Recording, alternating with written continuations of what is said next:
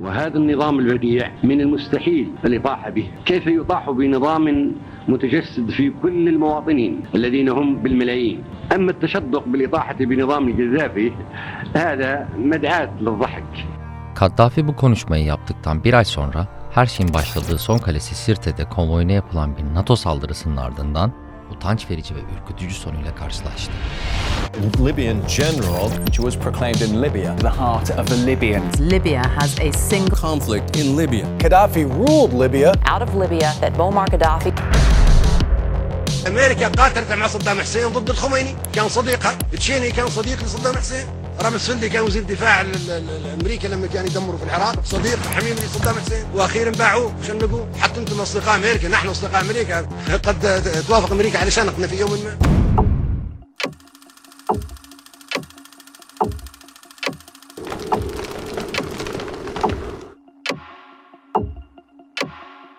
Afrika kıtasındaki en büyük petrol rezervine sahip kara parçası olan Libya,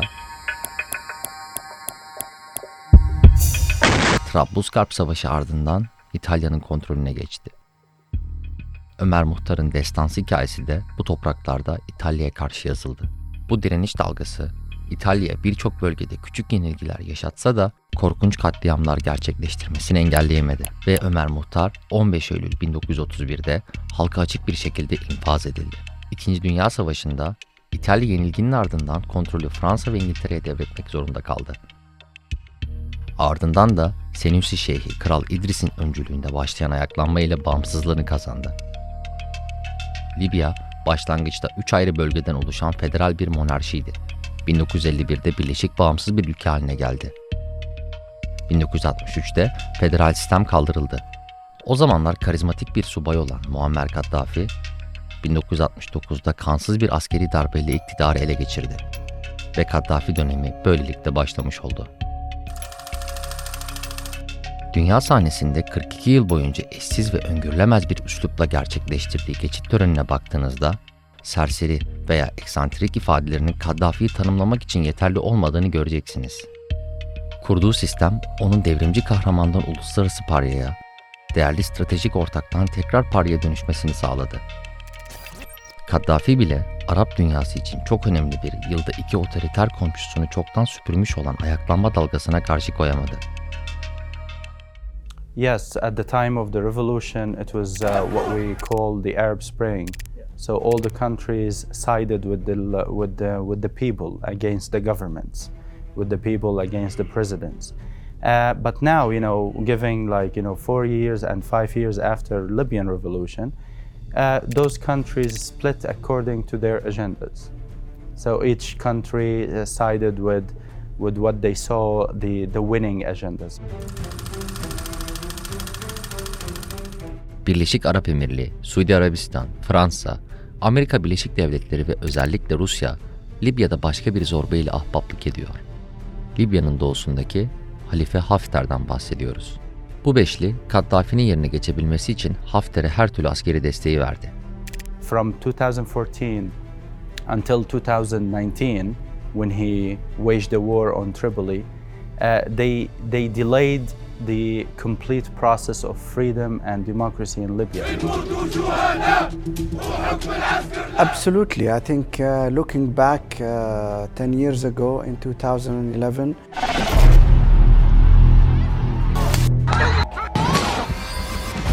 was absolutely right for the Libyan people to come out on the streets and protest uh, peacefully and demand change uh, because they have suffered 42 years of dictatorship, of tyranny, of absolute one man rule. Kaddafi Libyası, halk için refahın, altyapının, eğitim sisteminin, sağlık sisteminin olmadığı bir dönemi temsil ediyor. Çekilen bu acının yanında özgür de değillerdi. Konuşamıyorlardı, kendilerini ifade edemiyorlardı. the, the, the, the case, the, the situation in Libya was ripe for change. And we have to remember that the Libyan people saw few months earlier the people of Tunisia and the people of Egypt also come out and uh, demonstrate everywhere and bring down the a dictatorship regime. And Tunisia is the neighbor of Libya on the west, and Egypt is on the neighbor of Libya on the east. طبعا ثورة 17 فبراير 2011 يعني هي ليست وليدة تاريخها يعني لم تولد في 17 فبراير 2011 هي كان لها أساس تاريخي هي آه، يعني تتويج لنضالات الليبيين 42 سنة يعني منذ انقلاب القذافي على السلطة في عام آه، 69 Kaddafi'nin kendi halkına karşı işlediği suç dosyası oldukça kabarık. Çok bilinen Ebu Selim katliamı, 7 Nisan katliamı, 80'li yıllarda gerçekleşen toplu idamlar, 2008 yılında İslami cemaatlere karşı baskıları, hukuksuz tutuklamalar ve gerçekleşen infazlar bunlardan sadece birkaçı. Her ne kadar Hafter e, Trablus saldırılarında başarısız olsa da hala e, Sirte ve doğusu başta olmak üzere ülkenin önemli bir bölümünü hala kontrol ediyor. Ancak burada söz konusu aslında Libya tablosunda gördüğümüz sahada bir denge var. Sirte ülkenin tam ortasında yer alıyor. Güneyinde Cufra kenti var. Cufra ve Sirte'yi kontrol eden Hafter, ülkenin bu bölgelerden doğusunu da kontrol ediyor. Buradaki bu kusursuz denge aslında yeni bir savaş ihtimalini de engelliyor. Ama hiçbir zaman Libya'yı bir araya da getiremiyor. Çünkü her iki tarafta siyasi ve askeri olarak kendisini bir tür sağlama almış durumda. Libya'nın toplumsal yapısı aslında kabile ve aşiretlerin nüfuzu üzerinde inşa edilmiş bir toplum.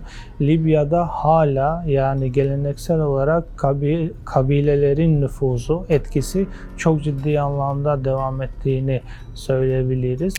Modern Libya'nın kuruluşu nüfuzlu kabilelerin siyasette yönetime yer almasıyla birlikte gerçekleşmişti. Kaddafi e, yani özellikle kabilelerle bir bu anlaşma yaparak modern Libya'nın temellerini attığını söyleyebiliriz. Yeah, actually, uh, at the beginning of the revolution on uh, February 17th, it was absolutely scary for all of Libyans because they don't know what was happening. Is it, uh, you know, the reaction of uh, Gaddafi and Gaddafi brigades who were everywhere on the streets? So it was scary but encouraging because uh, we were like aspiring for a better future for a country with freedoms and country with without no restrictions of the Gaddafi regime. Daha özgür ve adil bir ülke umuduyla sokaklara dökülüp Kaddafi'yi deviren yüz binler 10 yıl sürecek vekalet savaşından da habersizdi. Libya'daki sürecinin aslında devrim devrimden çalınmış devrime noktasına evrilmesi için iki önemli olay olduğunu eee, şahit oluyoruz.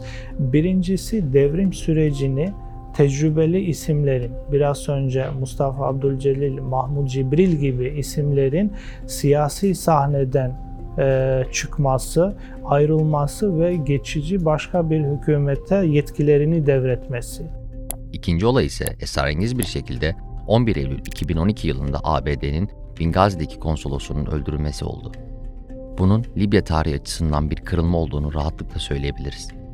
So they succeeded in bringing it down, but there was actually no leadership and no vision to replace this regime, to build a proper state, uh, to build proper institutions like security institutions, like the army, like the police, uh, and so on. So there was no vision and a plan, a strategic plan uh, to, to fill the vacuum Bu doldurulamayan boşluk Libya'yı kaos ve karmaşaya sürükledi. Taraflar zengin yeraltı kaynaklarına sahip bu ülkede gücü ve parayı ele geçirmek için birbirleriyle rekabet etmeye başladılar. Buna son 7-8 yılda gerçekleşen uluslararası ve bölgesel müdahaleleri de ekleyebiliriz.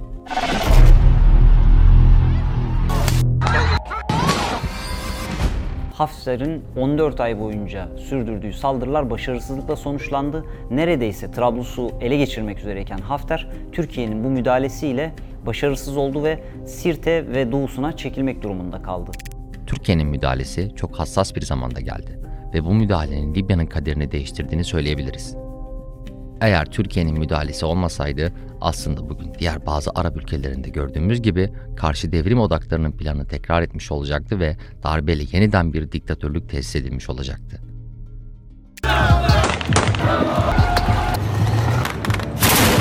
ال 16 مايو 2000 2014 بدأت في بنغازي يعني آه، تلك الحرب يعني س- تسببت في م- تهجير أكثر من مئة ألف نسمة من بنغازي إلى طرابلس آه، ال- ال-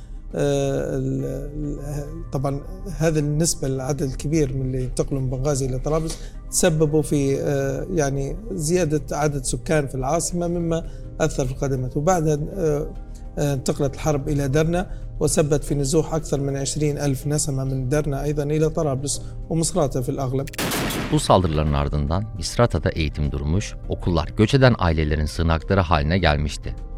Kötü durumda olan hastaneler daha da kötü şartlar altında çalışmak zorunda kaldı ve kriz daha da derinleşti. Türkiye'nin Libya'ya müdahalesi böyle bir tablonun ardından gerçekleşti. From my point of view, the Turkish intervention was very vital for the balance of the battle between the government and the attacking forces. Now, Khalifa Haftar, he had uh, the support of uh, Russia, Russian Wagner Group uh, mercenaries, Egypt, France, the US to some extent, the UAE, uh, and Saudi Arabia. So, seven countries.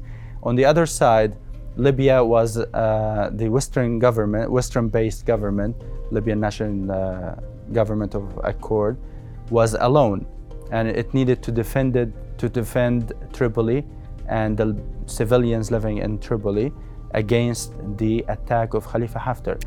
Now, Turkey uh, came with a military agreement with the government to try and help people not to be, uh, you know, uh, struck by, you know, rockets and uh, by, you know, air strikes and stuff.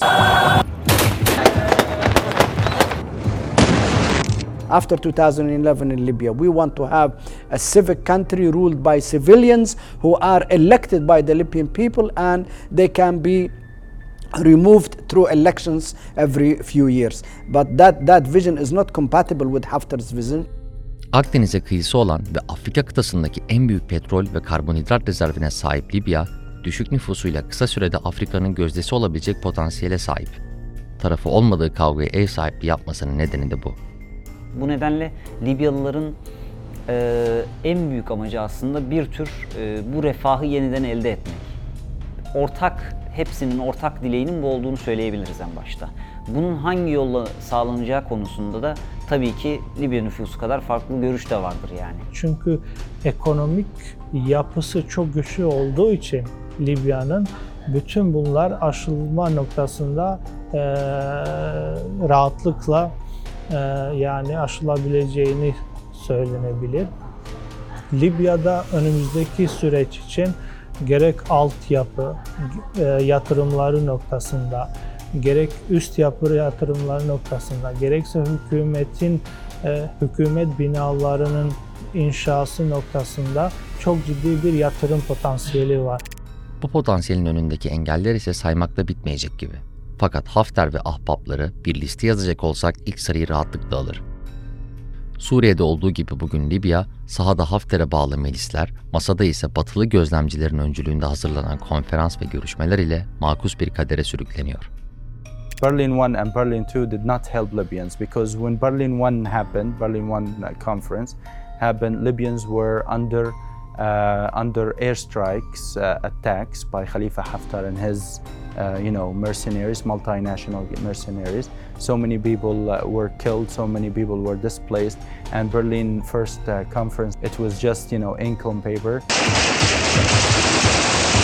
so many injustices. There have been so many people displaced from Benghazi, from Derna, from the east because of Haftar's war. There have been people uh, displaced in the south. There have been um, war crimes, horrific war crimes in a city like Tarhuna, where we have found mass graves uh, with children and women in these mass graves killed by Haftar's uh, uh, militias. Let's talk about uh, the, the Terhuna mass graves. Uh, actually, uh, the most atrocious crime that Libyans have seen over, you know, even Gaddafi time, something like this didn't happen. So we have like 240 bodies found in different mass graves in uh, Terhuna. Uh, the main uh, uh, criminal behind the mass graves is um, a family militia called Al Kaniyat, Al Kani militia. They are brothers, a militia of brothers, who were under the command of Khalifa Haftar. Hafter'in komutasında bulunan paralı askerlerin işlediği suçların birçoğu bilinmiyor. Hafter güçleri kontrol ettikleri Libya'nın doğusunda artık toplu mezarlara ihtiyaç duymadan sokak ortasında infazlar gerçekleştiriyor. Bölgede yaşayan birçok sivil evini terk edip göç etmek zorunda kaldı. Birçok yerel gözlemci Hafter güçleri çekildiğinde yeni toplu mezarların bulunacağına inanıyor. Uh, there are, uh, you know, other areas in Benghazi where so many people were found uh, thrown on the streets, killed with gunshots uh, to their heads, their hands tied and cuffed. So many people, and they were identified as uh, opponents of Khalifa Haftar's uh, rule in Benghazi, Darna, and other places. So he, he's not ashamed of you know killing and throwing people in, in the you know in the dump sites uh, sites or even on the streets. And this is uh, documented even by the UN reports. So uh, we don't need actually to dig out uh, mass graves to see Khalifa Haftar's victims.